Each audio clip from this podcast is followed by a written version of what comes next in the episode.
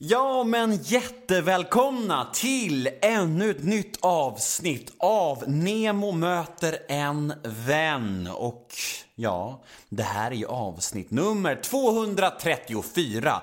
Och idag har jag med mig ingen mindre än Alexandra Nilsson, tidigare känd som Kissy.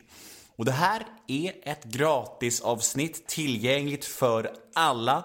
Men nästa vecka så är det premiumavsnitt igen. Vilket betyder att man måste vara prenumerant via Podmi. Och hur blir man då det? Jo, man laddar ner podmi appen eller går in på podmi.com och börja prenumerera på min podcast helt enkelt. Det kostar 29 kronor i månaden om man gör det via hemsidan och 39 kronor i månaden om man gör det via appen. Och det bästa av allt, det är helt gratis första månaden. Men de här små detaljerna behöver ni inte bry er om er idag egentligen, för idag är det ju ett gratis avsnitt. Jag tänkte mer om ni ville lyssna nästa vecka också. Men en sak till innan vi dunkar igång den här podden. Det är ju så att livepodden närmar sig. Ja, Nemo möter en vän fyller ju fem år om mindre än tre veckor nu. Det är ju en sprakande kväll som väntas. Nämligen den 25 maj klockan 19.00 på Bonden bar i Stockholm. Det är en lördag, kanske bör tilläggas. Det kommer bli jag, Peter Haber, Hedda Stiernstedt och Kjell Bergqvist. Ja, ni hör ju vilket jävla gäng! Och sist jag kollade så fanns det endast sju biljetter kvar, så det börjar bli bråttom nu om man vill ta del av den här magiska, exklusiva kvällen. Så gå in på biletto.se och sök på mitt namn där om ni vill närvara på min livepodd. Podden fyller ju faktiskt fem år så det väntas en otroligt stor och spännande afton. Jag hoppas vi syns där. Men dagens podd då, Alexandra Nilsson. Mm, hon slog igenom med dunder och brak för många år sedan som bloggdrottningen Kissy och har sedan dess hörts och synts överallt och är idag en av de allra största influencers som vi har.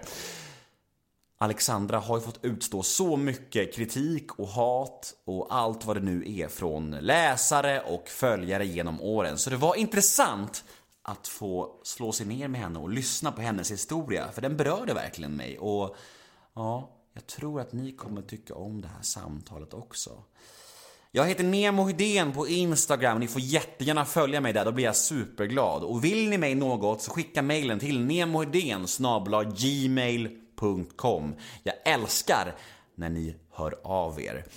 Men jag tror jag ska sluta babbla nu och jag tror att vi istället dunkar igång det här avsnittet.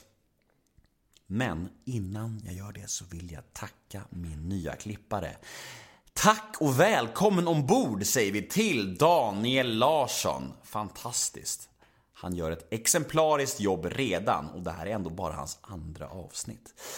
Men vet ni vad, nu kör vi igång istället. Nemo möter en vän, avsnitt nummer 234. Gäst Alexandra Nilsson. Rulla gingen. Nemo är en kändis, den största som vi har. Nu ska han snacka med en kändis och göra någon glad. Ja! Nemo, ja det är Nemo. Nemo möter Välkommen till Nemo möter en vän, Alexandra Nilsson! Wee! Varför sitter jag här med en kamera i ansiktet för? För jag vloggar ju. Mm. Vi pratade om det precis innan. Jag kör ju all in på YouTube. Mm. Och det är det som gäller.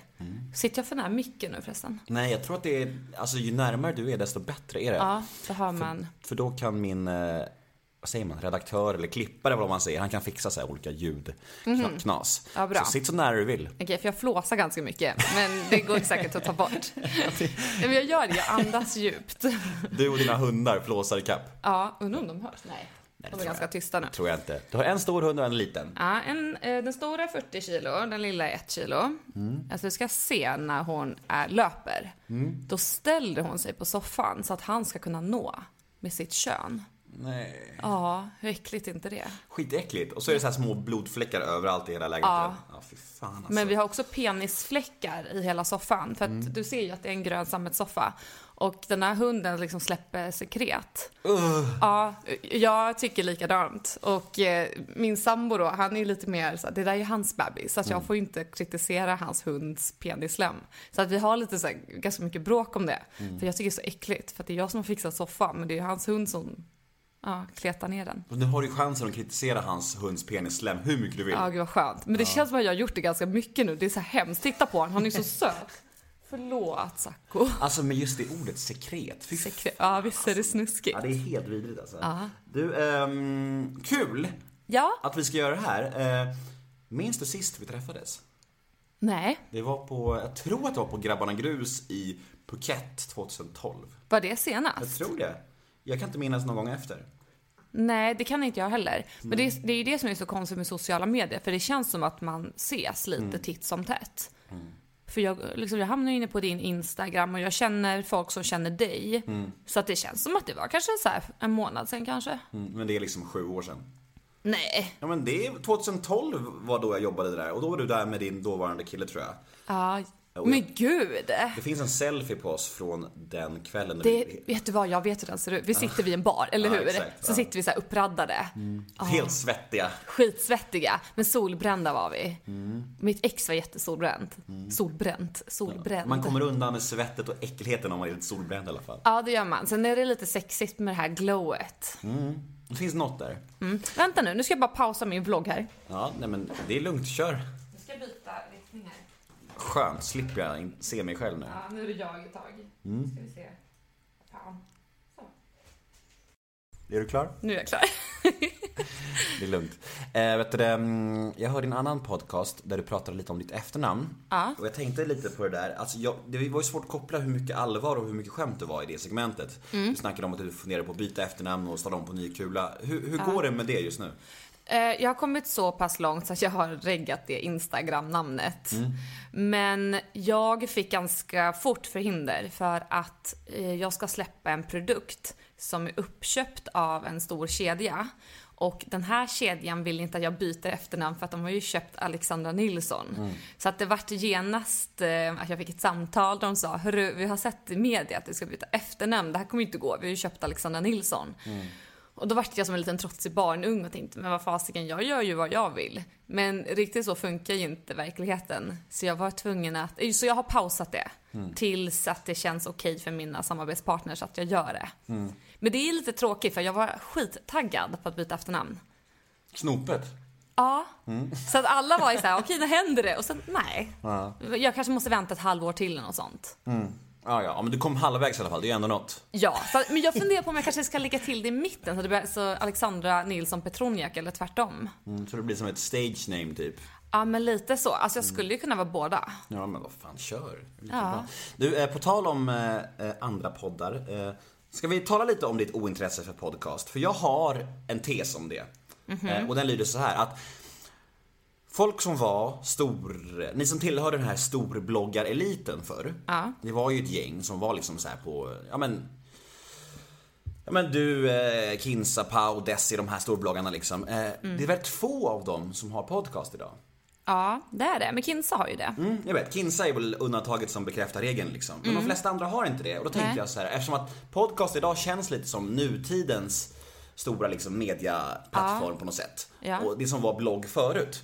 Då kanske ni helt enkelt omedvetet tar avstånd för att ni inte vill vara en del av den nya. Ja, att vi liksom blir lite såhär, nej, dåtiden var bättre. Ja precis, det var bättre förr. Ja, jag tänker inte vara en del av det här nya. Surkärringar har vi blivit. Ni blir som konservativa tanter. Ja. Så vad fan är det här för nymodigheter?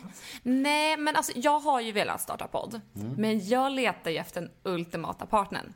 Jag är ju så kräsen. Så att jag har tänkt jättelänge på att starta podd för jag gillar att prata. Och jag tror att jag kommer fram bättre i prat. Alltså jag måste liksom vara rörlig eller man måste höra min röst.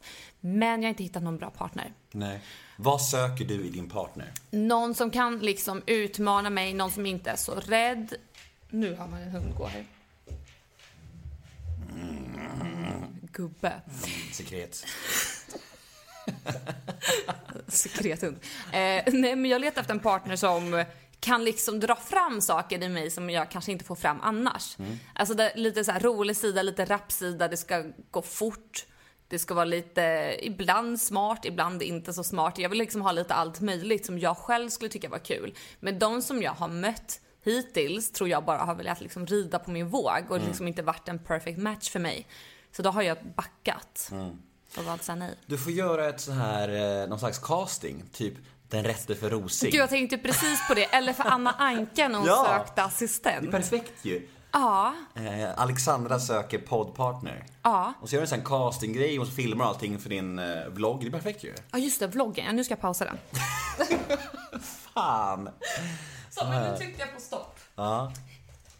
Ja men det är ingen dålig idé. Men det är det här, jag skulle gärna vilja ha en podd med någon annan som är lite känd. Jag vet inte varför, det känns typ bara bättre. Men det där tror jag är naturligt. Du vill ha någon som ändå har en liten grundfanbase. Så att de inte bara kommer in på noll och du drar allt liksom. Ja, för att jag tänker det, alltså att, tänk om jag startar podd med någon och gör den känd. Och sen så blir det att vi inte riktigt klickar och sen går den vidare då med mina följare. Det känns bara lite så här, för att jag har ju ändå jobbat hårt för att få upp min fanbase. Det är ju inte bara att ge bort den hur som helst. Och jag tycker ändå, ska jag hitta en partner så måste ju den också ha kämpat för någonting. Och nu säger inte jag att de som jag har pratat med inte har kämpat. Men jag har kämpat jättehårt. Och det måste ändå den partner jag har respektera och liksom kanske möta mig någonstans. Inte kanske i följantal, men på något annat sätt. Det kanske regnar in förslag här nu efter den här podden. Ja, kanske. Har du några drömnamn, alltså i offentligheten, som du känner att den där människan skulle jag nog kunna starta en podd med? Ja, men det har jag nog. Kakan skulle vara jävligt rolig att starta podd med. Jag skulle vilja starta en podd med eh, Lady Damer.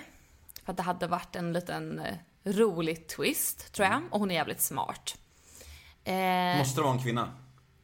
alltså det finns ingen man som tilltalar mig så. Nej. Eh, fast det behöver absolut inte vara en man. Men jag, jag, har, jag har en killkompis som frågade mig. Och då tänkte jag så här, vadå, ska jag ha en podd med en man? Alltså det blev så konstigt för mig. Men egentligen, varför är det konstigt? Men sen är det väl lite det här att man kanske vill relatera till kvinnliga saker. För jag tror att kvinnor gillar att skratta åt kvinnor som skrattar åt sig själva. Och du- jag kan ju inte sitta och prata om min liksom, mina ägg till dig. Och du ska liksom så här nicka instämmande bara ja, usch vad jobbigt det är med rinnande ägg. Rinnande ägg säger man ju inte. Men Rinnande ägg. nej, jag tänker när äggen, ja. Gud, Hur ska du rädda det här? jag har mens just nu så att jag är lite... Kolla det är det här som är weird. Hade du varit en kvinna då hade du bara, men gud gumman jag förstår, du har mens. Det Alltså- är lugnt. Jag kopplade ju inte ens ägg, ägg. Jag trodde du menade ägg macka först. Ja men du är med, du ser. Jag bara, vadå? Prata om frukost? Nej jag menar alltså ägg som man befruktar. Ja precis, ja, men nu förstår jag det. Ja. men det kanske är bättre med en kvinna då. Förstår du? Alltså vi bara så här, det skar sig direkt. Ja men jag, jag förstår vad jag menar. Men sådana här missförstånd kan ju också vara kul, men det är bara kul i en stund. Och sen kommer du sitta och bli helt tokig för att jag inte fattar. Ja, för att du vill käka mina ägg till frukost. Ja, precis. Det är ju ja, lite äckligt. Jag förstår. Det är helt rätt. Ja, men eh, har ni några förslag så kan ni ju kontakta Alexandra. Hon är, Mm. är idel öra. Yes. Innan vi drar igång den riktiga podden så ska vi beta av en faktaruta. Okej. Och det är för folk som kanske inte har stenkoll på dig, Ja. som vill ha liksom basic informationen. Nu är det dags för en faktaruta. Namn? Alexandra Barbara Nilsson. Barbara. Visste inte du det? Är det sant? Nej men jag är ju polack. Ja men vilket skönt namn. Alltså det är lite busigt. Jag hatade det när jag var liten, men nu känner jag ändå så här. Det är ju nice att vara unik. Ja. Så nu embracear jag det. Men gör det. Äg ditt namn. Och sen eventuellt Petroniak, förlåt. Barbara Petroniak. Ja, det är mammas barnnamn. Jag tycker det är magiskt. Ja. Ålder? Eh, 28. Yrke? Influencer. Bor? Sundbyberg. Vi sitter här nu. Ja, det är Det vi. är omöjligt att ta sig hit. Så mitt tips till er lyssnare, kom aldrig hit. eh, civilstatus? Sambo. Eh, Han är och jobbar nu eller? Ja, precis. Någonstans. Vad gör han? Idag skulle han eh, träffa en kund till oss som är i Borås, tror jag. Favoritdel i Stockholm? Favoritdel i Stockholm? Åh, vilken svår fråga. Jag gillar Mall of Scandinavia. Mm, ja, Där brukar jag hänga. ja, det är helt okej, får man Ja, säga. inomhus och skönt. De har väl också eh, Sveriges enda IMAX-biograf va? Ja, det kan, har de. Jag tror det. Jaha. Men jag gillar inte Stockholm så mycket, men eh, i så fall Mall och Scandinavia. Flyktbeteende. Har du någonting du flyr in i när du mår liksom piss? Ja, eh, alkohol eller träning. Kroppskomplex. Allt. Det var det mörkaste svaret i min podds historia. Nej men jag mår typ dåligt över allt, men jag kan också må bra över allt. Men om jag måste säga någonting så är det mina ben. Okej. Eh, din paradrätt. Vad lagar du när du ska liksom göra din man riktigt glad? Laxpasta. Ah, fy fan vad gott. Ja, det är svingott. Sämsta egenskap? Eh, kontrollerande. Bra! Du, eh, 1991 föddes du va? I Stockholm? Ja. Ja. Eh, vart i Stockholm? Eh, bra fråga. Danderyds sjukhus. Vad vet du om, eh, om din födsel och dina första år i livet? Vad... Det regnade. Eh, de trodde att jag var en pojke ganska länge. Varför? För att jag var så stor. Jag var ett stort barn. Men hur stor var du när du föddes? Och alltså, sånt där kan jag inte. Jag är så fascinerad när folk säger så här, ja mitt barn var 20 millimeter. 20 millimeter är inte. Men du, för- nej, det vet jag inte. Jag tror att genomsnittet ligger på 3,2. 3,2. Ja men då måste jag väl ha legat över där någonstans då. Jag vägde 5,2. Oj! Ja. Så jag Jäklar. är jättestor, eller jag var jättestor, så det är därför jag blir så nyfiken när du säger att du var stor. Aha, nej men gud, sån information bryr jag mig inte om. Men jag bara kommer ihåg att de sa att jag var stor och de hade tänkt att döpa mig till Alexander. Så att det smidigast så bara säga Alexandra. Och vad föddes du in i för familj? Eh, med min mamma och pappa och då så kom min lillebror ett år senare, så ganska tätt inpå. Och eh, alltså när jag var liten så tyckte jag väl att min familj var en väldigt vanlig familj. Vi bodde liksom i villa, vi hade Volvo och vovve. Väldigt vanligt. Men det, alltså, det tog ett tag innan jag insåg när de skilde sig att det liksom var det var lite annorlunda för mamma invandrade ju från Polen tillsammans med min pappa. Så man kan typ säga att pappa hämtade hit henne lite. Så. Eh, och min pappa var väldigt så här, flummig och mamma var väldigt bestämd. Och det kan man så höra på hennes namn, Barbara, den bestämda Barbara. Eh, men eh, sen så skilde de sig när jag var typ 13 år. Och eh, ja, alltså jag tycker väl inte att min historia är så unik så här, familjemässigt. Men nu i vux- alltså det skiljer sig väldigt mycket från barn till man blir vuxen. Nu i vuxen ålder så tycker jag inte alls att det var en så här jättebra föräldraskap de hade. För att min pappa var ju som sagt väldigt flummig och typ sket lite vilket. Och det är ingen bra förälder tycker jag. Man ska ha boundaries, man ska ha gränser. Och mamma var superhård så att det varit väldigt stora kontraster mellan dem. Var det också därför de skilde sig tror du? Ja, 100 procent. De är så olika så att det finns inte. Mamma är ju super neat freak, det ska vara rent, fint, ordentligt. Hon vill gärna vara fin. Liksom, ja men duschar och tvättar sig och min pappa kan typ gå två veckor och inte duscha sig. Okej nu, det där var taskigt. Han duschar, men inte på samma sätt. Han kan ju, ja men så här skitiga naglar. Och liksom så här, det här med hygien, det. Ja, det var därför jag flyttade hemifrån från min pappa sen. För att det var så jävla grisigt hos honom. Vart i Stockholm eh, bodde ni när, ni när ni var små? I Sköndal, det ligger mot Älvsjö. Mm. Eh, och det var väldigt mysigt, det var som liksom en villaområde så. Och sen när de skilde sig så då flyttade pappa till Kungsholmen och mamma Skarpnäck. Och det var då jag fick välja om jag skulle bli en storstadsbrutta eller liksom bo där bland alla små hus och lite i orten. Liksom. Och såklart valde jag ju då Kungsholmen. Hur minns du deras skilsmässa? Eh, den var inte överdrivet dramatisk men pappa blev ju offret. Så han tog tag i mig och min bror och sa och började gråta, vi var i Farsta centrum, så tog han tag i mig och min bror och sa mamma älskar inte pappa längre. och jag och min bror började stå och gråta, det är det värsta man kan höra som barn. Och vi Verkligen. bara grät och grät. Och då var det ju så att vi tog pappas eh, sida. För att Mm. vi tyckte mamma var den värsta människan som fanns. Hur kunde hon skilja sig från vår pappa? Han var ju bara snäll. Mm. Men det är just det som är hans problem. Han vill ju bara vara snäll och liksom vara alla till lag. Så extremt konflikträdd. Mm. Så att jag hatade mamma ganska många år. Och det skar sig mer och mer och mer ju äldre jag blev. Men nu är det tvärtom. Mm. Nu när jag är vuxen på riktigt. Så nu har du liksom insett vad som egentligen hände då? Ja. För att min pappa han har en ganska skev kvinnosyn. För nu är han liksom i Thailand och ska hitta kvinnor där. Och eh, alltså, det är ganska tydligt för mig nu. Först började han med att åka till Polen och sen när han skilde sig från mamma så brukar han nu skämta om att polska kvinnor är det värsta som finns. Och det är så här, ja, men jag är fortfarande halvpolack. Och sen nu är han i Thailand och ska hitta någon fru där. Och jag bara känner, nej, vi, det, där, det skär sig alldeles för mycket för att jag ska tycka att vi har, alltså för att vi kan umgås. och vara vänner liksom. Det är så intressant hur perspektiven på ens barndom ändras med åren, när man Ja. blir vuxen liksom. För när du var liten så tyckte du bara han var snäll och harmlös och när du blev vuxen så förstår du att det, allt stod inte helt rätt till liksom. Nej, verkligen inte. Och just det här, jag tycker inte om när man sätter sig i en offerroll. Och jag tror väl att det också har liksom färgat mig lite. Att jag gillar inte att vara ett offer. För att jag tycker att, jag tycker att det är så tragiskt. Att liksom att tycka synd om sig själv. Och det var så synd om honom för mamma skilde sig från honom. Men varför gjorde hon det då? Man kan ju alltid liksom vända på myntet och tänka, "Va- varför är vi här nu? N- någonting måste ju ha hänt. Man kan inte bara ha varit snäll hela livet och sen plötsligt får man en skilsmässa i knät liksom. Det blir ju också lite själviskt av honom att lägga allt det på er. Mm. Vad jag menar? Att liksom så här säga så här är det. Det blir som så här, ni är bara barn. Var du 12 eller vad var du? Ja, 12, 13. Men du och din bror då, ni var två syskon. Mm. Och eh, har ni alltid varit liksom tajta? Ja, det har vi. För det är ju bara ett år mellan oss.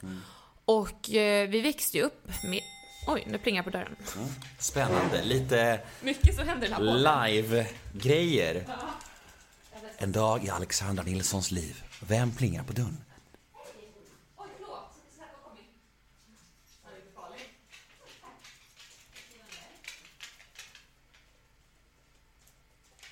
Vad kan det vara?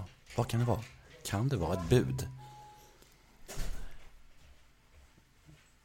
Alltså du ser, nu fick vi en live inblick i en influencers liv. Ja.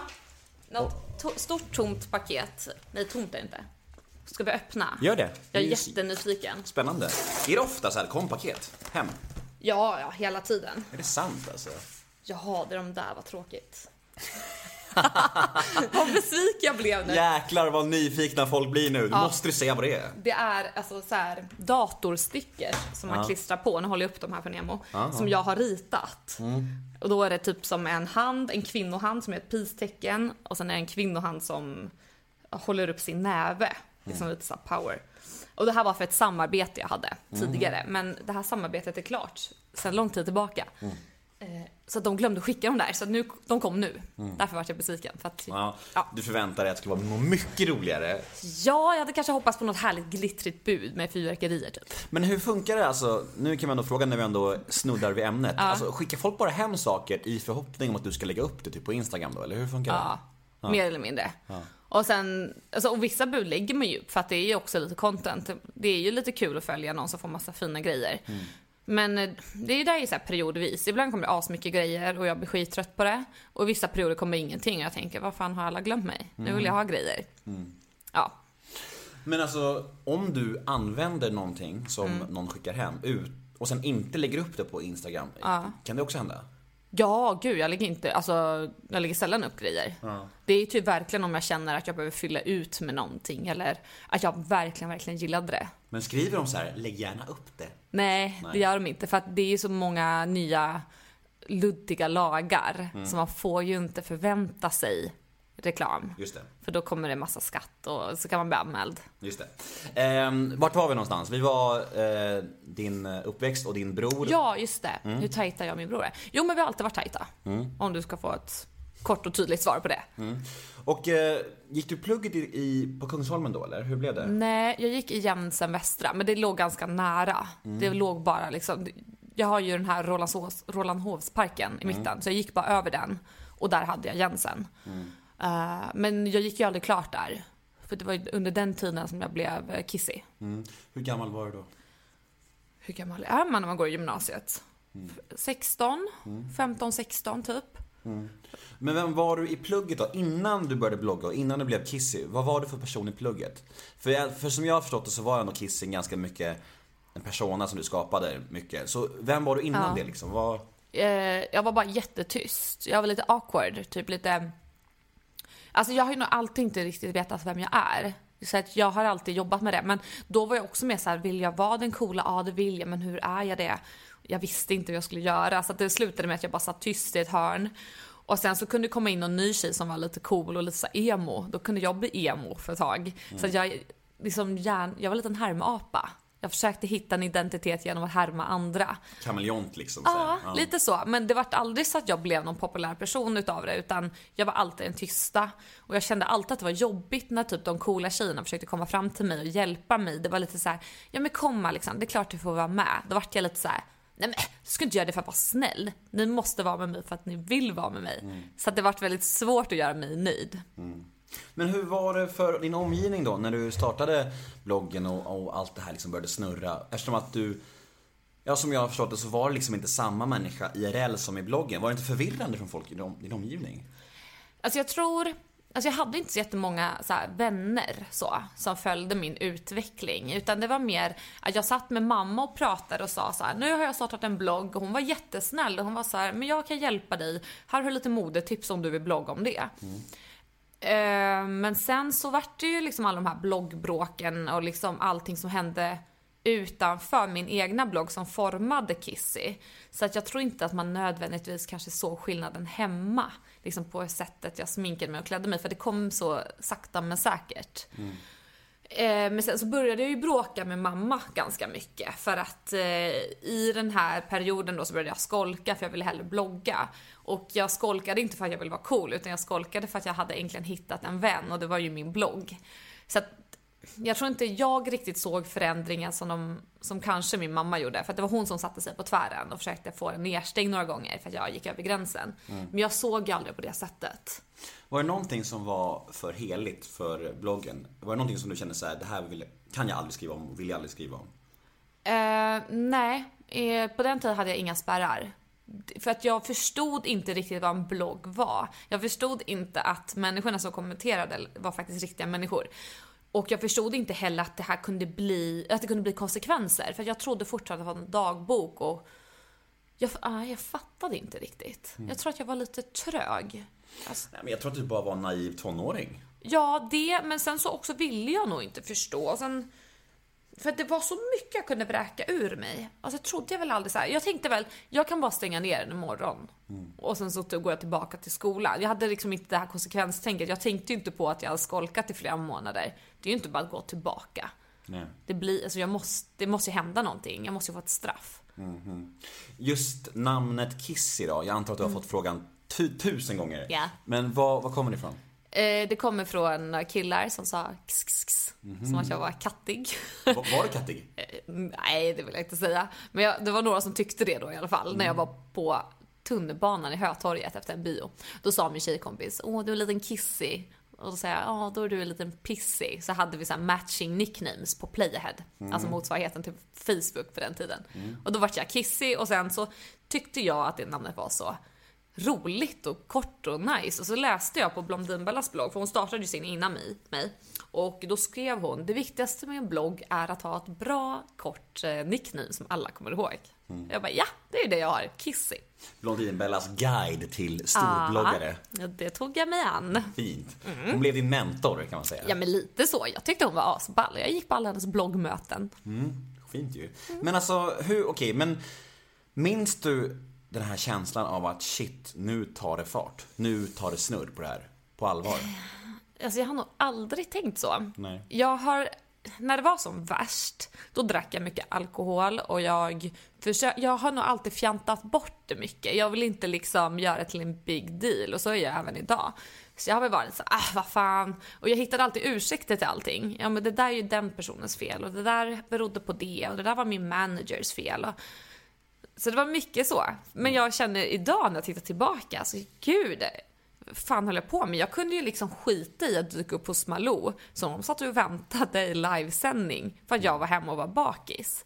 Jag hade liksom ingen verklighetsuppfattning, men jag tyckte ju heller inte så, sådana saker var coolt. Jag var lite så här, ja men, vad fan, vem bryr sig?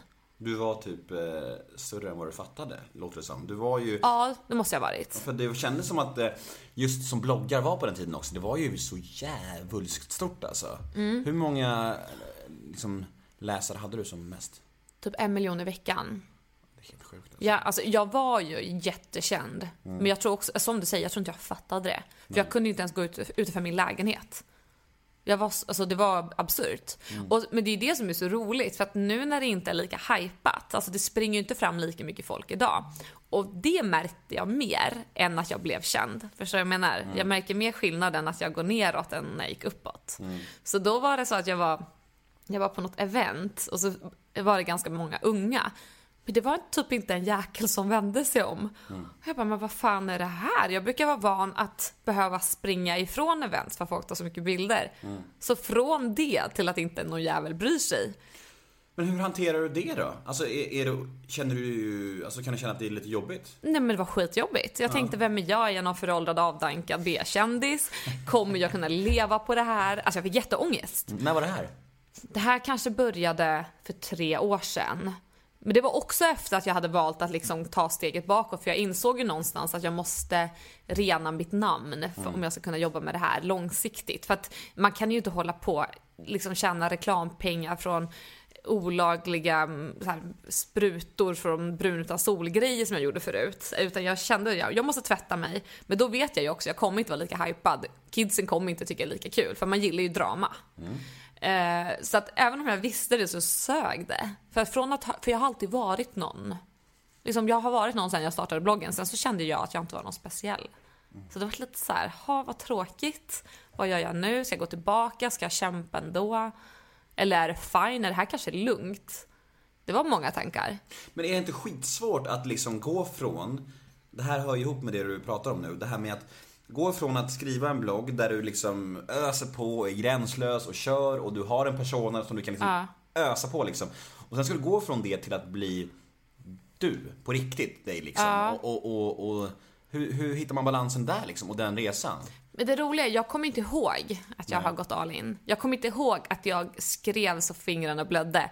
Jag kommer inte ihåg, alltså jag kan ju läsa gamla inlägg, men jag kommer inte ihåg att jag har skrivit det. Jag kan bli helt paff när jag ser att jag har använt vissa ordval. Jag tror att jag har grova minnesluckor. För att jag kommer inte ihåg det här. Och folk kan komma fram till mig och berätta saker jag gjorde. Och jag bara, va?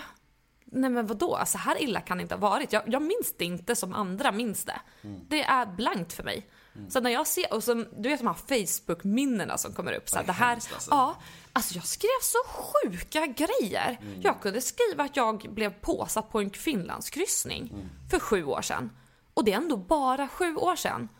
Alltså så här, jag blir ju liksom, jag börjar ju rodna om någon säger om en snopp typ. Alltså det, det är så, såna stora kontraster och jag vet att folk också tror att jag kanske fejkar det. Men på riktigt, jag kan inte minnas att jag var ki- den här Kissy. Det är så konstigt, men jag gör inte det.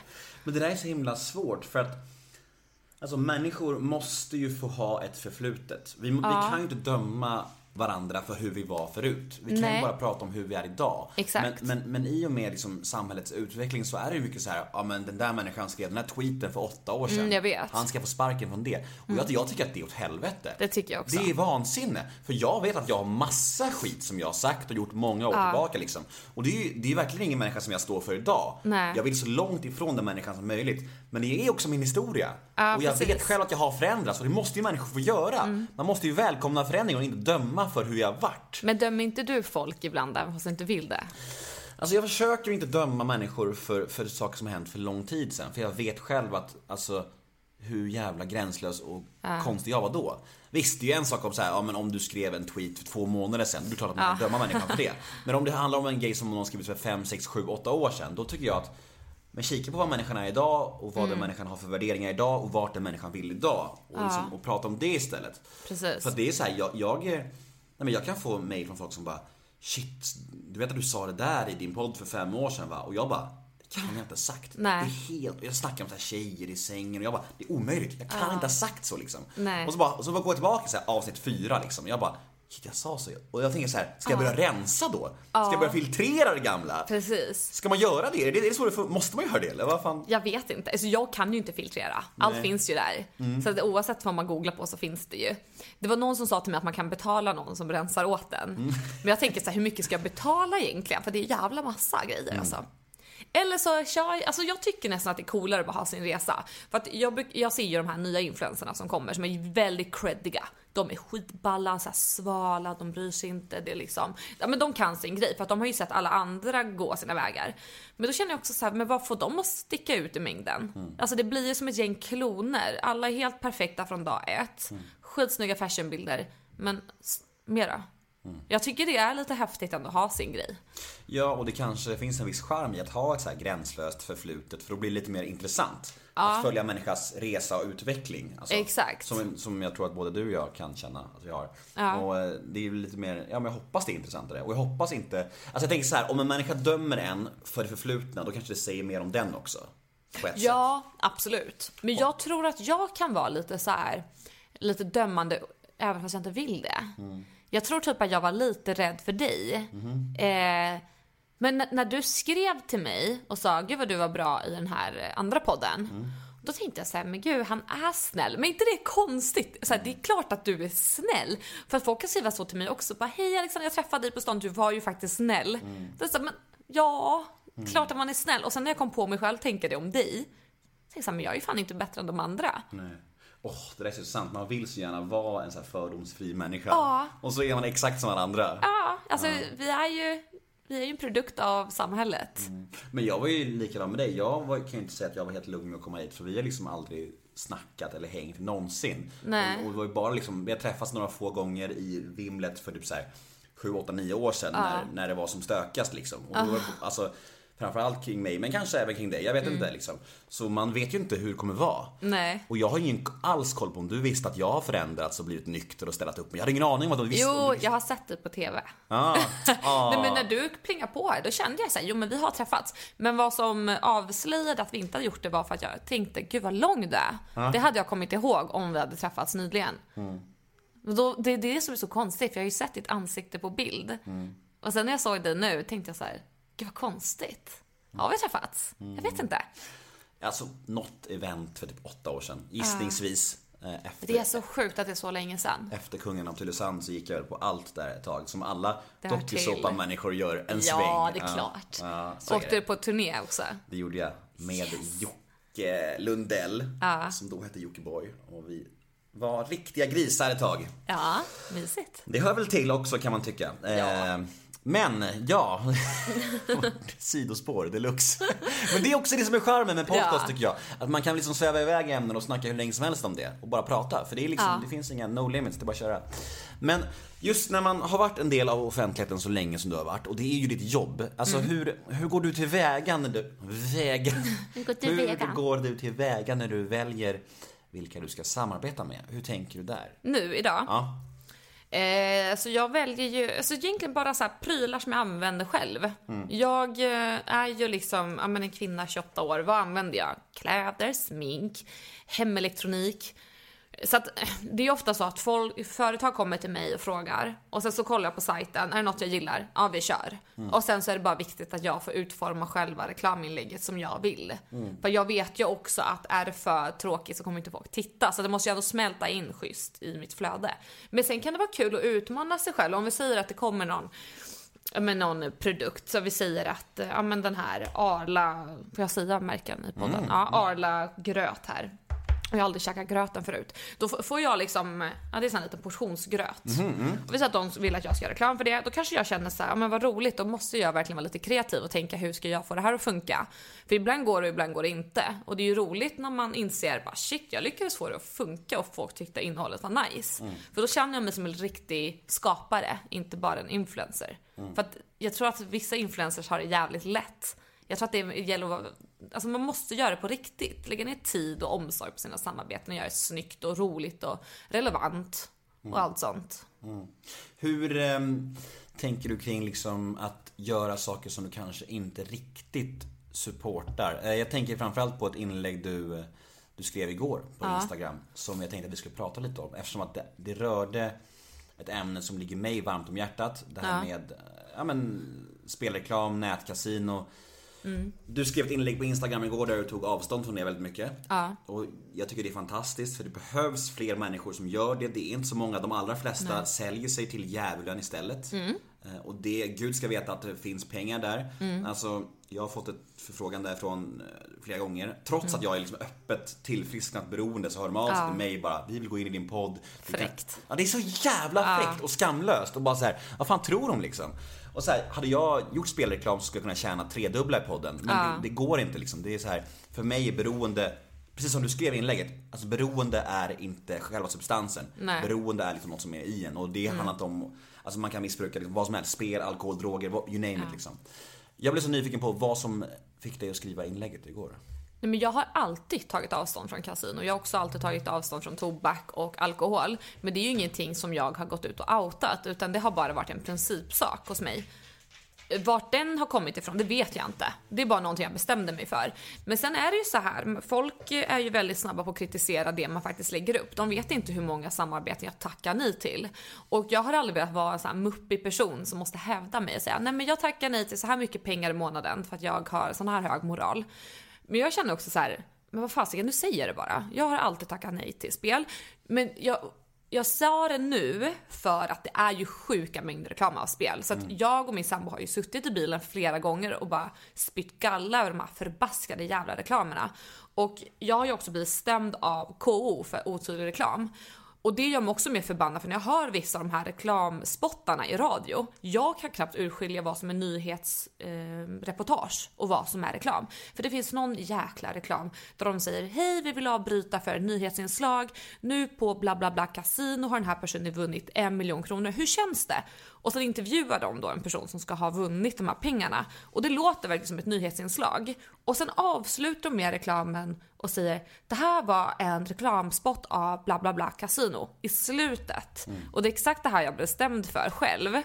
Men jag har alltid varit jättetydlig och jag tycker att det är det som gör mig så förbannad. Att vi är skitsnabba på att stämma och kritisera unga entreprenörer, gärna tjejer.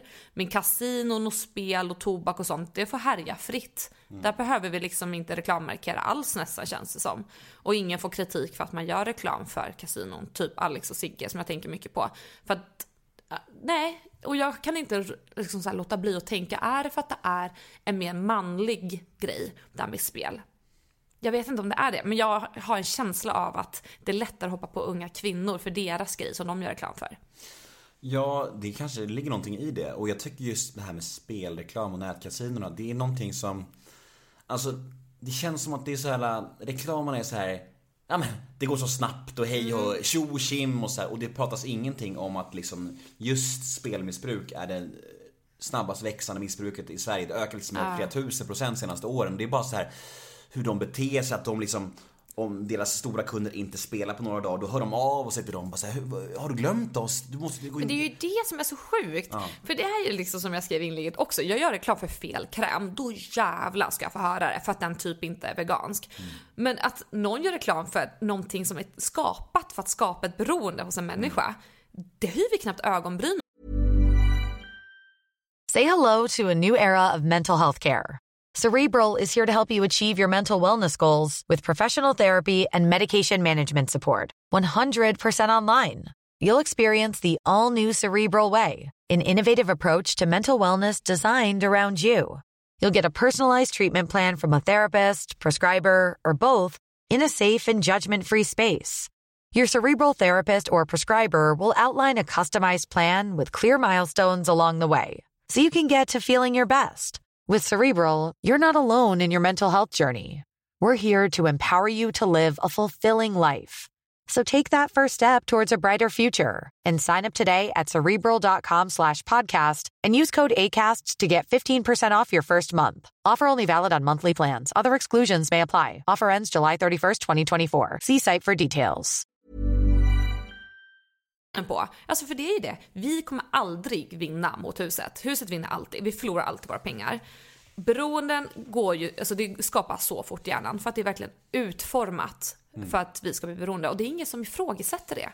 Kanske tills nu då, nu har det ju börjat komma upp på, tab- alltså på tavlan att vi ska prata om det men innan så har det varit helt tyst. Det har varit helt okej med kasinon. Det är så jäkla konstigt. Ja, och jag blir så jäkla ledsen. Alltså, visst, alla människor får göra som de vill, så är det ju. Men alltså alla dessa offentliga människor som bara liksom, alltså, tänker inte steget längre. De bara Nej. kliver på det. De ser bara pengarna och kör. Och det är ju så, de är så många nu. Det är ju Ja. jättemånga. Man bara shit. Jag vet. Det var en youtuber, jag ska inte säga namn för att det är en person jag gillar, som sa ah, nej, men alltså, jag tycker det är så vidrigt när tjejer gör reklam för fillers, sa den. Och sen dagen efter så såg jag att den här personen gjorde reklam för kasino. Och det var också så jag kom på den här idén med mitt Instagram-inlägg. Tänk så här. Ja men vem fan är du och peka finger åt någon som gör reklam för fillers? Visst, det är inte bra att liksom göra reklam för saker som kan skapa osäkerhet hos unga tjejer. Men det är väl så jäkla mycket värre att göra reklam för kasino. För att det går ju så fort att till exempel om vi ska jämföra de här branscherna. Om jag gör reklam för skönhetsoperation, det kostar ett x antal tusen kronor. Så först måste du spara ihop x antal tusen. Sen måste du boka en tid, konsultation, du måste bestämma dig, du måste ta dig hela vägen till kirurgen och göra det. Ett kasino, det går ju på en halv sekund så har du satt in 500 spänn. Plus fått en välkomstbonus och det första ljuset har börjat plinga för att du fick en extra grej.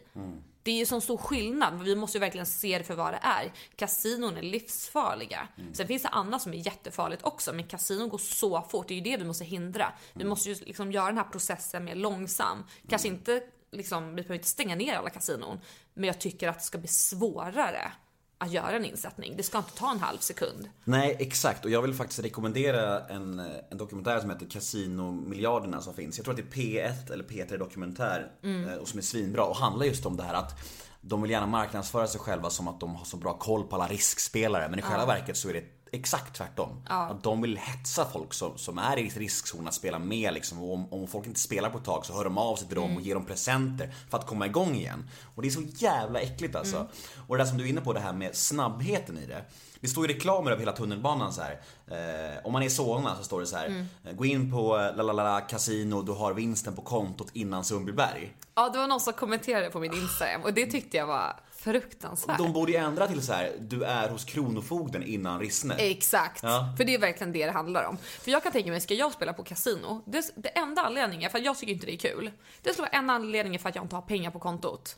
Och vad, hur kommer det sluta? Jo, att jag har ännu mindre pengar på kontot. Och att jag lånar från någon. Ja, det är hemskt Eh, och var, jag tycker att det är bra att vi pratar lite om det för att det, det måste belysas ännu mer.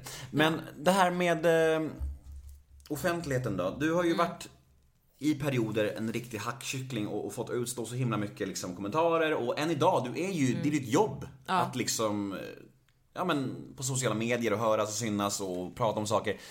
Hur är din relation till kritik och folks åsikter och hur har den förändrats genom åren? Förut så fick jag väldigt mycket kritik, men det var ju liksom det var ju obefogad kritik och det var ingen bra kritik. Det var ju bara hat som jag fick tidigare. Sen har ju den utvecklats till att kunna bli riktig kritik ibland. Så idag är den ju mycket mildare än någonsin. Jag får väldigt lite kritik. Jag kanske får, ja men ibland, om vissa grejer. Och nu när jag har börjat köra stenhårt på YouTube så är det mycket småbarn igen. Men det är ju liksom, det är inte kritik, det är mer hat. Men jag är nog känsligare idag. Det skulle jag väl säga. För att jag tycker ändå att det jag säger idag, eh, jag tänker ju efter innan jag gör det. Och då kan jag bli lite så här. Jaha, vem är du och ifrågasätta mig? För att jag pratar ju mycket om feminism och försöker lyfta frågorna liksom. Hur hade det sett ut om jag var kille? Och jag försöker liksom vända på steken ganska mycket. Men då är det många som ger mig mothugg och säger, men vad fan, allt är inte männens fel. Då kan jag bli lite less tänka så här, men det är ju viktigt ändå bara att tänka om och våga tänka om. Istället bara för att mothugga. Och säga så här, men så där kan du inte säga, du kan ju inte göra allt till männens fel. För det är ju inte det det handlar om. Och då kan jag väl känna lite så här, då kan jag bli lite förbannad. Men jag försöker lugna ner mig. Men blir man inte också känsligare om man är sig själv, tänker jag? Jo. För när du hade en persona så kunde du ändå bara tänka så här, men det är inte jag och mina åsikter ändå. Ja, absolut. För då visste jag ju någonstans att det var Kissy de hatade, inte Alexandra. Och jag skyddade mig mycket bakom det. Men nu när jag verkligen är mig själv, då är det klart att jag blir ledsen. Och jag blir också mer ledsen idag när jag får se kommentarer om att jag kanske har gått upp i vikt och såna här småfjantiga saker. För att nu idag så lägger jag ju inte ut såna här sönderretuscherade bilder som jag gjorde förut. Så att det är klart att det påverkar mig. För har jag gått upp 10 kilo, ja men då syns det ju på mina bilder och mina videos. Eh, Men samtidigt, men när någon ger mig en komplimang för att jag har en fin personlighet så då är det klart att jag tar åt mig det också ännu mer. Så att det är ju verkligen högt och lågt. Hur gör du då om någon skriver någonting? Vi säger Instagram, folk skriver någonting. En kommentar till dig. Försöker du då kommunicera med människan och svara eller blir det bara block direkt? Eller hur funkar det? Det beror på vad den skriver. Är det ba- alltså barnfasoner, att någon skriver såhär du är dum i huvudet. Då kan jag blocka. För då känner jag det här är ingen person som vill tycka om mig ändå. Den vill ju inte bli tillrättavisad eller kanske bli övertalad om att gilla mig. Men är det någon som frågar, alltså tonläget är allt. Frågar man mig en vanlig fråga så här, hej hur tänkte du nu? Jag tänker så här, kan du ge mig ett svar? Det är klart att jag kan ha en dialog. Men om någon börjar med, ja men vad fan är du helt dum i huvudet eller? Du har fel, så här är det. Då känner jag, nej men det är inte värt för mig att lägga min energi på den här personen. För att den kommer inte vilja ha en friendly diskussion. Så att, ja. Det är väl lite mer så. Jag försöker liksom analysera vad dens avsikter är med sin kommentar. Men du läser alla kommentarer? Ja, alltså visst jag missar ibland. Så är det ju. Och jag kan missa DMs ofta. Men jag, förs- jag är inne ofta och kikar. Bra. Eh, vi ska leka antingen eller. Okej. Och Det är som en slags snäll version av eh, pest eller kolera. Okej. Bara två alternativ. Ja. Där du får säga vad du föredrar helt enkelt. Föreläsa eller skriva bok? Föreläsa. Pau eller Desi? Desi. Podd eller blogg? Blogg. Sumpan eller stan? Stan. Sverige eller Polen? Sverige. Alexandra eller Kissy? Alexandra. Katt eller hund? Hund. PH eller Ex on the beach? Ja, fan det är lika illa båda två. PH då? Hårda eller mjuka killar? Vad menar du personlighetsmässigt eller? Eh, mjuka. Fint. Eh, skötte det bra tycker jag. Ja, tack. Eh, Jag ja, var men... nervös. Var du nervös? Ja, jag bara, Du trodde jag skulle vara elakare? Ja, det trodde jag faktiskt. Ja, men jag är inte så elak i den här podden, det är ja skönt. Eh, Jag har ju förstått att du föreläst en del. Ja. Eh, Hur, eh, berätta, vad, vad pratar du om och eh, hur har responsen varit? Sådär. Ehm, det är ju mycket om min resa.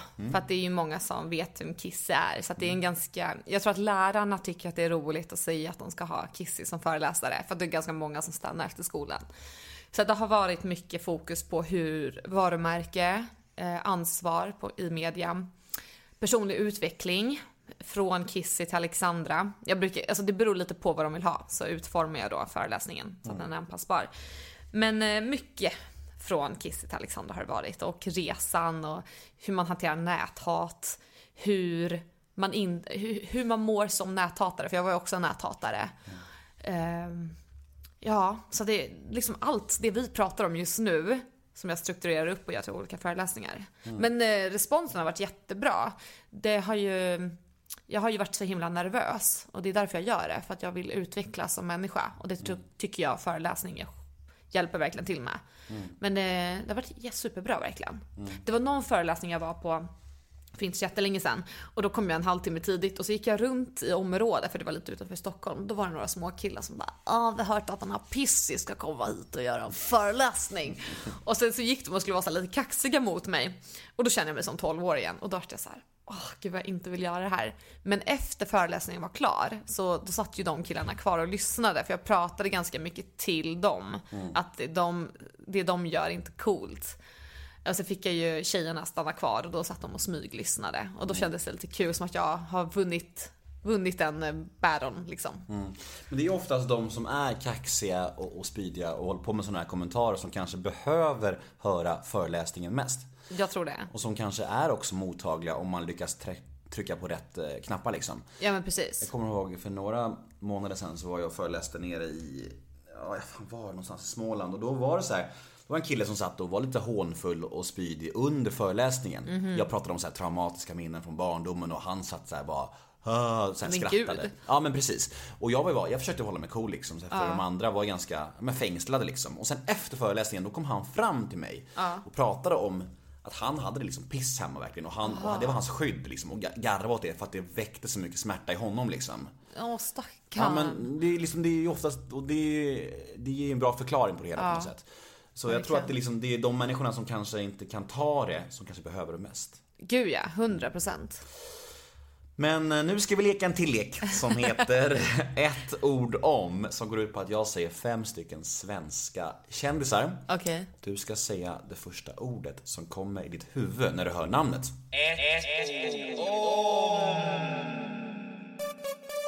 Ett ord om Alexander Bard. Skägg. Bianca Ingrosso. Ätstörningar. Zlatan. Shampoo. Carola. Barn. Alex Schulman. Elak. Det gjorde du bra. De flesta människorna brukar ändå smyga in två, tre ord på varje, men du höll dig till ett ord. Ja, regler till för att följas. Ja, verkligen. Shampoo. Jag har Zlatan gjort shampoo? Jag vet inte. Jag, alltså egentligen ordet som jag sökte var kanske var reklam. Ja, för men nu- det hade varit träffsäkert. Ja, för det är ju väldigt mycket reklam. Men... På tal om spelreklam. Ja, men, ja, gud, han är ju överallt med spelreklam. Det tycker jag är skittråkigt. Han borde ju ta sitt ansvar där. För att jag tycker han är så pass stor och en förebild för många. Mm. Speciellt för män. Och jag tror män behöver bra förebilder. Så han skulle kunna ta den rollen. Men han väljer att inte göra det. Mm. Det är tråkigt. Alltså det är så trist med Zlatan för att jag har ju varit ett sånt, som du är inne på, alltså Mm. vi män är ju och vi fotbollsintresserade män blir ju automatiskt Zlatan-fan. Så är det ju, för att han har varit liksom Mm. Gud, ja. bäst i världen i många år. Så när han då liksom drar sådana kommentarer som att, nej men jag kommer ihåg att, jag kommer ihåg att när, när det var fotbollsskalan så, så hade kvinnorna blivit eh, lite ledsna på att eh, den manliga årets spelare fick en bil. Ja. Och inte den kvinnliga. Nej. Och då sa Zlatan någonting, någonting stil med, men ge, ge henne en cykel. Nej. Och det tyckte jag var så jävla unket på något sätt. Det var så här, det- är så stenåldern och det är så här, varför säger du så? Varför kan du inte liksom bara ta steget, steget längre och tänka på hur många unga killar du liksom är förebild för? Men samtidigt, jag förväntar mig inte bättre av honom. Han har ju verkligen haft den attityden att han är lite kaxig, han skiter i vilket. Men det- är ju gammalt. Det är skittråkigt bara. Och på det, alltså, med tanke på att han, visst, han spelar inte fotboll längre va? Han spelar i amerikanska ligan dit eh, alla världsspelare går när karriären börjar liksom gå neråt. Han är ju 38 och, och, och han ska ju lägga av typ nästa år. Men med tanke på det så känns det ändå bra att han ska lägga ner. För att det kommer komma nya stjärnor som kommer ha en bättre kvinnosyn, som kommer vara lite smartare, som kommer ha lite mer Ja men bara schysst tänk. Så att han är ju, jag brukar säga det, en utdöende generation. Och det säger jag om alla snuskgubbar där ute som inte vill ändra på sitt sätt att tänka. Det är så här, men det är inte ni som kommer styra landet ändå. Jag tror, jag tror också att det kommer vara en förutsättning om man, ska, om man ska vara en stor stjärna framöver. Att ha en, en bra kvinnosyn och liksom ett jämställt tänk. För att det, vi går mot ett modernare samhälle och, liksom, och då går det inte att ha såna här unkna gamla värderingar. Liksom.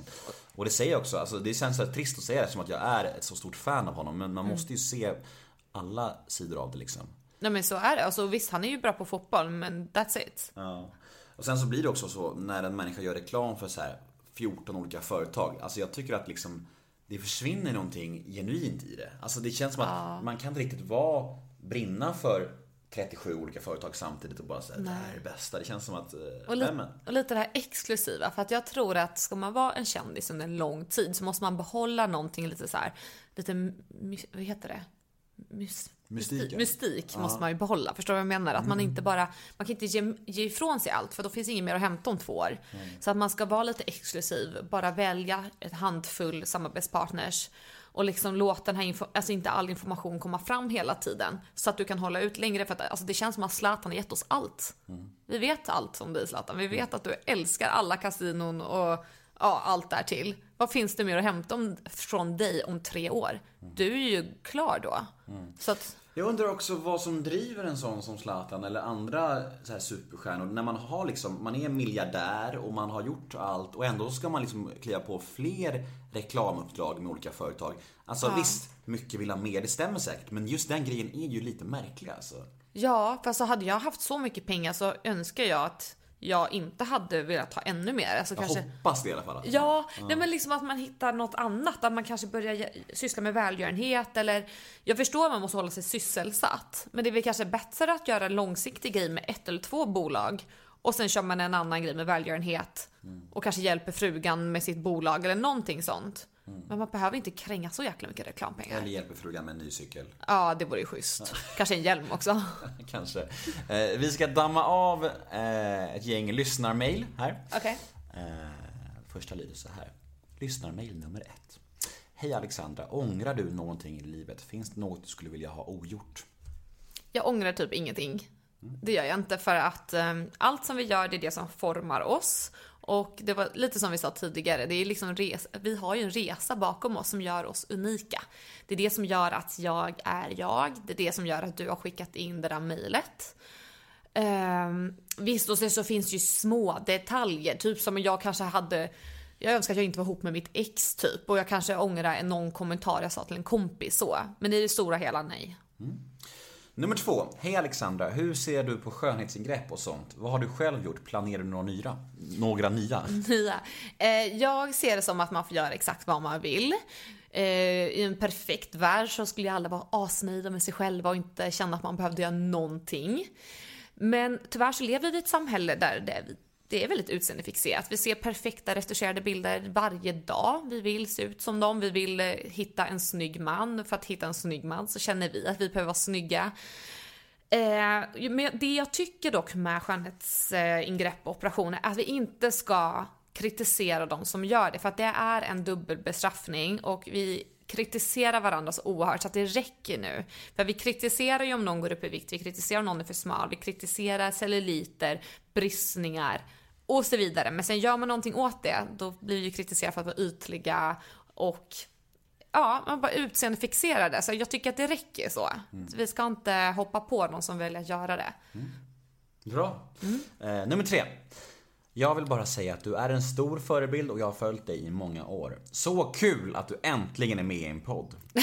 Yay! Hur tänker du om familjeliv och barn? Längtar du efter en liten bebis? Eh, oj, först och främst tack, vad snäll du är. Jätteglad blir jag. Jag vet inte. Det känns som jag borde veta. Jag är fan snart 30. Och det är ju mång, jättemånga som frågar om jag är gravid hela tiden. Hatar den frågan.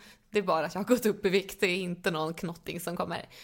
Men jag, jag har ingen barnlängtan, inte alls. För att om jag ska vara helt ärlig så låter det fett jäkla jobbigt. Och det är som när du kom in och så ursäktade mig för att det var stökigt hemma. Och du bara, men det är stökigt hos mig med, du vet småbarn. Jag bara tänkte så här, tänk om jag skulle ha ett småbarn, hur fan skulle det se ut hemma då? Ännu stökigare. Och jag kan knappt orka gå och tvätta av mig sminket när jag ska gå och lägga mig. Hur fan ska jag orka tvätta en bebisrumpa? Det låter skitjobbigt. Men jag hoppas innerligt att den här eh, biologiska klockan ska börja ringa av sig själv. Så att det, jag, min hjärna eh, bara vänder. För att jag tror att jag kommer vara ensam om jag inte skaffar barn och jag är livrädd för det. Men jag vill inte skaffa barn nu för jag vill ju inte ha barn. Så att jag vill att min biologiska klocka ska börja funka. Så att min hjärna ändrar sig. För att jag har lyssnat på mina vänner, de börjar ju vilja ha barn. Och jag vill också vara där, men jag är inte där. Det är skitjobbigt. Men så Man det. måste ju inte ha barn heller, det är det. Nej jag vet, men jag vill vilja ha det. Ja, jag förstår. Men det känns som att många nästan känner en slags skuld och, och alltså behov att ursäkta sig för att de inte vill ha barn. Förstår du vad jag menar? För att det är någonting som man ska ha liksom. Ja, det absolut. Det känns ju liksom, jo för att jag, vi har ju många vänner som typ skämtar och så här, gå hem och skaffa barn nu, hehe. Och det tror jag också man gör för att man ska ha något gemensamt, för att det handlar ju mycket om barn. Och det förstår jag, verkligen, 100%. Men det är ju också det här, tänk när, när man inte är, alltså sen när man är lite klar med livet så har man ingen annan att ta hand om. Nej. För jag förstår den här grejen att man är klar med sig själv, livet får mer betyd, alltså det blir mer betydelsefullt. Man kommer ju älska det här barnet oändligt mycket, det, det tvivlar jag inte en sekund på. Alltså jag köper alla de här argumenten.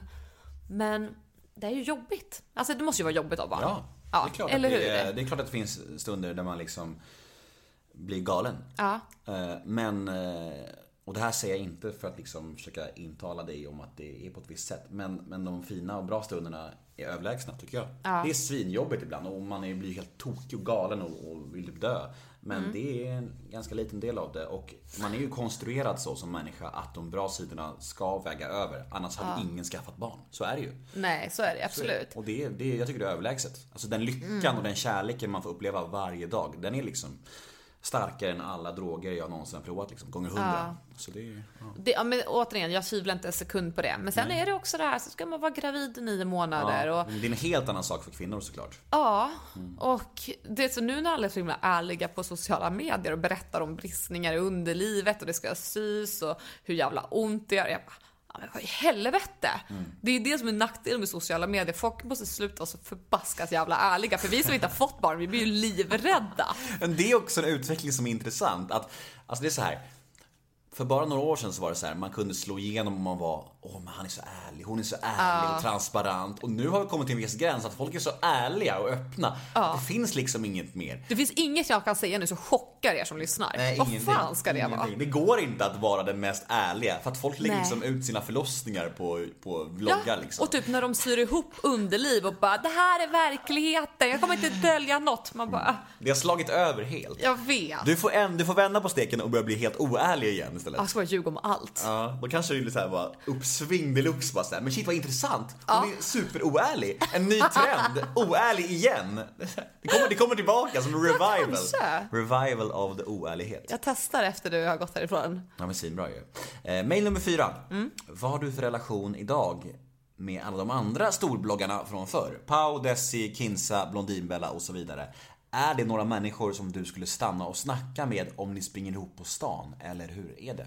Eh, jag har bra relation med de flesta. Det är inte så att jag är ovän med någon.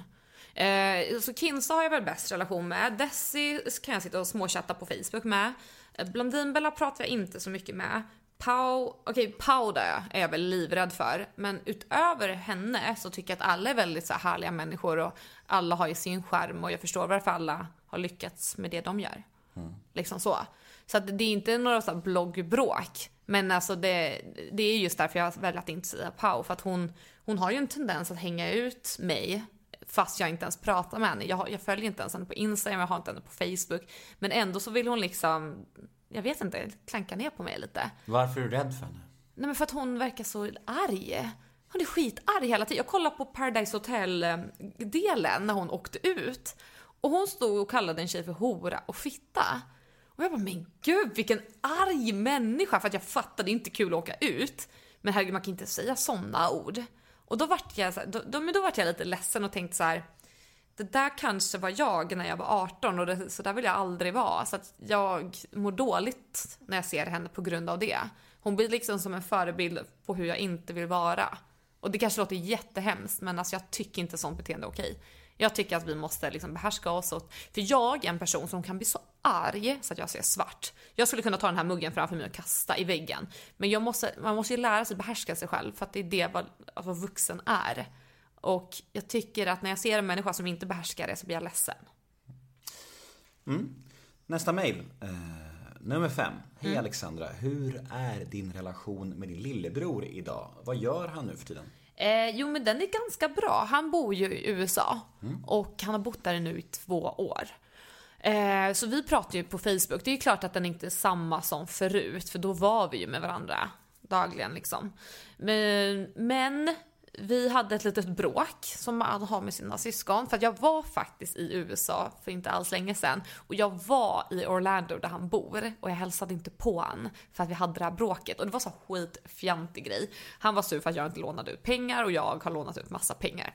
Ni hör ju, alltså det är ju verkligen så här. Mm. Eh, ja, men så standardbråk. Så då kände jag så här, nej men jag har inte gjort något fel så att jag kommer inte komma krälandes. Men nu fick jag ju present att jag ska få åka till USA ändå. Och nu är vi ju vänner såklart för att sådana där små bråk det rör ju över. Så nu ska jag åka och hälsa på honom i sommar. Så det ska bli skitkul. Så det, ja jag längtar. Vi har inte träffat honom på två år. Det är helt sjukt. Från att han var supertajta till att inte ha setts på två år. Vad gör han där? Pluggar eller? Han pluggar. Eh, jag vet inte riktigt vad han pluggar. Eh, Så det har varit väldigt oklart. Både jag och min mamma är ganska stora frågetecken när det kommer till det. Men jag tror att han ville bara komma bort från Sverige. Att han ville göra något eget. Och när han fick komma till USA då kände han väl så här, men jag ändå kommit till USA. Och det kan jag förstå. Jag förstår lock, alltså att man blir lockad av det. Jag hade ju också en period när jag var så här, oh my god jag ska flytta till LA, gifta mig med någon rik Hollywood-star. Men min passerade. Så nu är han där och vill köra the American dream, I guess. Hej Alexandra. Kan du sakna tiden eh, då din blogg var som störst? Du var ju verkligen en superkändis på den tiden. Eller är du lika igenkänd på gatan idag känner du? Det här har vi snackat lite om va? Lite, ja men det har vi. Eh, nej, jag saknar inte. Det gör jag inte. Men jag känner att jag fortfarande är igenkänd. Folk tittar ju väldigt mycket och viskar och det kommer fram folk och tar bilder. Men det är ju en annan crowd nu. Det är mycket lugnare. Från att ha skrikande kids till att ha vuxna människor som kommer fram och typ ger beröm. Så det är ju roligare idag. För att idag, idag kan jag prata med mina fans eller mina följare och liksom typ skapa relationer med dem. Det gjorde jag inte förut. Hej Alexandra. Vad tycker du om bloggen Bloggbevakning och hur hon håller på och granskar er bloggare och influencers? Nej men okej. Nu blev det rött i ögonen här. ja. Nu brinner hon. Nu, nu, nu ryker den här koppen in i väggen. Ja, håll i dig. Eh, nej men jag tycker inte om henne alls. För att det, det är så här. Det här det är en nätmobbare. Alltså det är, hon uppmanar till hat och det här med att granska bloggare. Det, alltså, hon får oss att verka som att vi vore före detta kriminella. För att vi bloggare är ju inte kriminella, elaka människor. Eller de flesta av oss är inte det. Vi försöker make a living, vi vill tjäna pengar, vi vill må bra, ta fina bilder. Och egentligen, what's the harm in that? Det är ju inget fel med att vilja ta en snygg bild i en snygg jacka från Naked eller Nelly eller vem som helst som står bakom den här reklamen. Och sen så kan jag förstå att vi behöver någon som granskar hur vi reklammarkerar, men Camilla som äger bloggbevakningen är inte den personen. Hon är dessutom en person som jättegärna gör reklam för kasinon samtidigt hon kritiserar alla, alla bloggare för deras val av samarbetspartners. Och det tycker jag skriker dubbelmoral så högt så att jag blir döv. Det jag tycker inte det är okej för att hon har också, hon ifrågasätter gärna bloggare som gillar skönhetsingrepp och det, där är vi tillbaka på det här med dubbelbestraffning. Det är kvinnohat i mina ögon. Och sen så samtidigt duckar hon hela tiden för kasinoreklamen som hon gör. Och då tycker jag så här, du ska inte stå och med, med dömande pekfingret och döma folk om du inte har helt rent mjöl i påsen. Och det har inte hon. Så nej. Jag hade ingen aning om att hon gjorde kasinoreklam. Jättemycket kasinoreklam. Så fort du går in på sajten så kommer det en pop-up med en stor kasinoreklam. Och hon får kommentarer dagligen där folk kritiserar henne för det här, men hon duckar det bara. Och det tycker jag är fegt. Speciellt när hon har en tendens att kommentera andra så mycket. Vi går vidare. Eh, Nästa mail lyder så här. Eh, vad har du för relation till alkohol och droger? Både idag och genom åren. Ehm, ja, alltså jag har börjat så här. Jag dricker ju inte lika mycket idag, det gör jag inte. Men det är väl för att jag inte tycker att det är lika kul att gå ut och festa, för jag har ju blivit äldre. När jag går ut, de få gångerna jag försöker gå ut på krogen, då har jag liksom slängts tillbaka i tiden när jag var 18 och var Kiss igen. För då kom alla fulla idioter och bara "Åh, “Titta Kissy, uh, Kissy får ta en bild med dig”. Uh. Så här, grabbiga grabbar som är såhär 19-20. Och jag bara ser dem som riktiga små skitar i mina ögon. Eh, så att med tanke på det att jag inte gillar krogmiljö längre så har jag börjat dricka mindre. Så att nu är jag mer för att dricka så här, två, tre glas liksom och nöja mig så. Det känns jäkligt skönt. Eh, Så jag har inga problem med alkohol så. Eh, Min sambo dock dricker inte alls och han kan tycka att jag dricker mycket. Men jag förstår honom för att han dricker ju inte alls så att det blir ju väldigt stor kontrast. Och så går jag på mycket events och sådär. Så att det blir ju den här eventchampagnen som kan bli till två, tre stycken, absolut. Men eh, mycket mindre förut. Eh, droger har jag aldrig varit ett fan av då jag inte tycker om att tappa kontrollen. Jag är livrädd för att det ska hända något med mig. För att folk är inte alltid snälla. Så att jag har testat lång tid tillbaka men det har aldrig varit en så här, det har aldrig varit något återkommande i mitt liv. Varför dricker inte din man? Eh, för han tycker inte om det bara. Han är ingen nykter alkoholist eller så, utan han jobbade som bartender när han var 18 och liksom eh, var så här insmörd med olja och liksom körde all in, fast i Bollnäs då istället för eh, Maglöf eller vart vi träffades, Rhodos. Nej, Phuket till och med. Phuket, så var det. Ännu värre. Ännu värre. Ja, ja. Nej men så här, han bara gillar inte smaken, han blir inte ens full. Jag har sett han dricka mycket. Men han blir inte ens full, han blir inte annorlunda överhuvudtaget. Så att jag förstår honom. Varför ska man dricka då? Nej. Det är godare med Cola Zero liksom. Fair enough. Eh, nästa mail.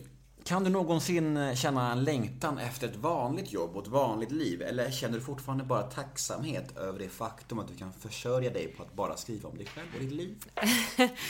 Eh, jag hade förra året hamnade jag i en kris när jag mådde asdåligt. Jag fick massa panikångestattacker typ varje dag för att jag, hade, jag hatade mitt liv och mitt jobb. Och då så tog jag ett jobb, ett kontorsjobb. Mm, mm, eh, ganska kort tid. Men det som är så konstigt är, då fick jag en lön på, jag kanske fick ut 25 000 som lön. Men det som är så konstigt är att jag tar inte, alltså jag tar dubbla för en Instagram-post. Så jag hade så svårt att bli motiverad till varför jag ska slita från morgon till kväll för en lön som jag får så fort på en post. Det är ju svårt att motivera hjärnan. Och jag försökte intala mig själv att det här sociala är bra, det är nyttigt, det är viktigt att ta lite order från folk. Men till slut så ja, kände jag att jag inte pallade för att jag hade också min bok då som jag skrev på. Så jag kände att jag ville hellre prioritera det som jag har nu. För jag förstår någonstans, jag kommer inte göra det här resten av livet. Så det är väl bättre att gå all in så länge jag kan. Och sen när jag känner att det här funkar inte, ja, men då kan jag väl söka ett jobb. Och kanske börja vänja mig med tanken att ja, men jag kanske måste jobba hårdare för mindre lön. Är det det det ligger på ungefär i snitt? 50 000 för en Instagram-post? Alltså det är, jag vet att många brukar säga så här, ja, 100 000 för YouTube, 50 000 för Instagram. Det är inte riktigt så jag jobbar, utan jag säljer paket. Jag försöker vara en säljare. Jag brukar liksom sälja, liksom, du får en Instagram och du får en YouTube. Och eh, lägger vi på en Insta-story så betalar du 250 000. Typ så är det mer. Och, liksom, och så brukar jag också vara så här, om du köper tre sådana paket så får du ju rabatt på varje. Så då låser man upp sig på mig under en längre period. Men det gör jag också för att då är det ju kontinuitet och det är samma annonsör och avsändare under hela årets gång. Och då kommer jag uppfattas mer seriös och även kunden. Så att folk kommer vänja sig med att jag faktiskt jobbar med eh, om det är Nelly.com till exempel, för att de kom, återkommer varannan månad och det är inte massa andra däremellan. Låter som mycket pengar. Ja, men alltså det är mycket pengar. Grattis! Tack. Nästa, nästa mail. Hur tror du att du är som flickvän? Eh, jag tror att jag är lite så här schizofren. Jag tror att jag kan vara jättekärleksfull, och, för jag älskar att ge komplimanger, jag älskar att uppskatta min man. För att i mitt förra förhållande så var det inte alls så, så att nu känner jag att jag har ändrats. Så att jag är väldigt klängig, väldigt kramig, pussig liksom. Och man, jag tror inte man ifrågasätter om jag är kär eller inte. Det, är liksom, det märks för att jag verkligen vill bekräfta min partner. För jag tycker det är viktigt själv att bli bekräftad. Men någonting som jag har märkt, och jag tycker det här är skittråkigt gentemot min sambo, det är att jag har hittat ganska mycket svartsjuka sidor. För att mitt ex som jag var ihop med i sju år hade inga sociala medier. Han hatade sociala medier. Och nu när jag är ihop med en man som älskar att kommentera, likea, prata med andra, så fick jag som en chock och tänkte shit, är det så här det är att vara ihop med en vanlig person, alltså en person som använder sociala medier som vem som helst. Jag fick sån ångest över det här och jag bara började ifrågasätta allt med mig själv. Och sen så har jag en historik med att jag har varit otrogen tidigare och det har ju också liksom spett på den här svartsjukan. Så jag har ju liksom försökt trycka ner det här och gått till psykolog om det här. Eh, Men jag jobbar på det. Så att jag tror att det är det viktigaste. Att man liksom inser sina brister och försöker bli bättre. Så det är lite 50-50. Mail nummer 11. Ja. Fan, många lyssnar mail. Du är populär. Yes! Yes. Du har ju skrivit två böcker. Ja. Eh, berätta lite om de processerna och idéerna. Skrev du dem själv eller använder du spökskrivare? Och blir det fler böcker? Eh, första boken var egentligen inte min idé, men jag var jätteglad när någon sa att de ville göra min bok. Och då hade jag hjälp av en spökskrivare. För att då var det liksom, det var en plan. Att jag skrev boken av en anledning och det var ju liksom för att gå från Kissy till Alexandra. Och den hette ju Hatad och älskad. För då pratade jag ju liksom om allt det här med näthat och att jag, och faktiskt berätta det här, jag kommer inte ihåg allt i mitt liv. Och liksom bara gå igenom allt som har varit en gång för alla från mitt perspektiv så att folk kan få ha det svart på vitt. Eh, men sen så kände jag när jag läste boken så insåg jag men det är inte jag som har skrivit den. Alltså det är mina ord men det var en spökskrivare så jag ville skriva en ny bok.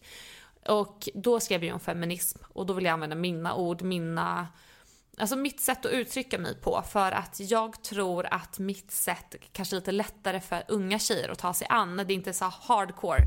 Jag ville verkligen hålla det ganska chill, liksom så här vardagsfeminism nästan. Så att liksom, som en enkel så här, en guide för den som inte fattar vad feminism är liksom. Och då skrev jag själv och det var kul. Det tog lång tid, det borde ju du veta som skriver böcker. Och jag kommer ihåg att efter två månader så lämnade jag in boken och sa så, nu är jag klar. De bara, eh, nej Alexandra, du har skrivit typ en introduktion av boken. Jag bara, fan! Och då tänkte jag så här, nej men jag tar mig vatten över huvudet, jag kan inte skriva en bok. Så det var jättesvårt för mig att faktiskt fylla de här sidorna. För jag är så van att skriva korta texter eh, på blogg och Instagram. Det är ju väldigt kort statiskt liksom. Så att det var svårt. Det var många gånger de fick säga till mig, mer text, mer text, mer text. Hur många sidor blev det till, slut? Ja, det vet jag inte. Jag tänkte om jag hade den här. Nej, jag vet inte. Vilket tråkigt svar. Jag vet inte. Jaha. Okej, gå vidare till nästa, sista mejlet här. Eh, Vad är det för rykten om att du skulle ha varit eskort förr i tiden? Oj, ja men den har jag ju, det står i boken. Om jag ska vara så här jobbig, det får ni läsa om. Nej men... eh, Cliffhanger deluxe, då måste man köpa boken. Ja, exakt. Nej men eh, eskortrykten, alltså jag har inte läst så mycket om att jag skulle varit eskort.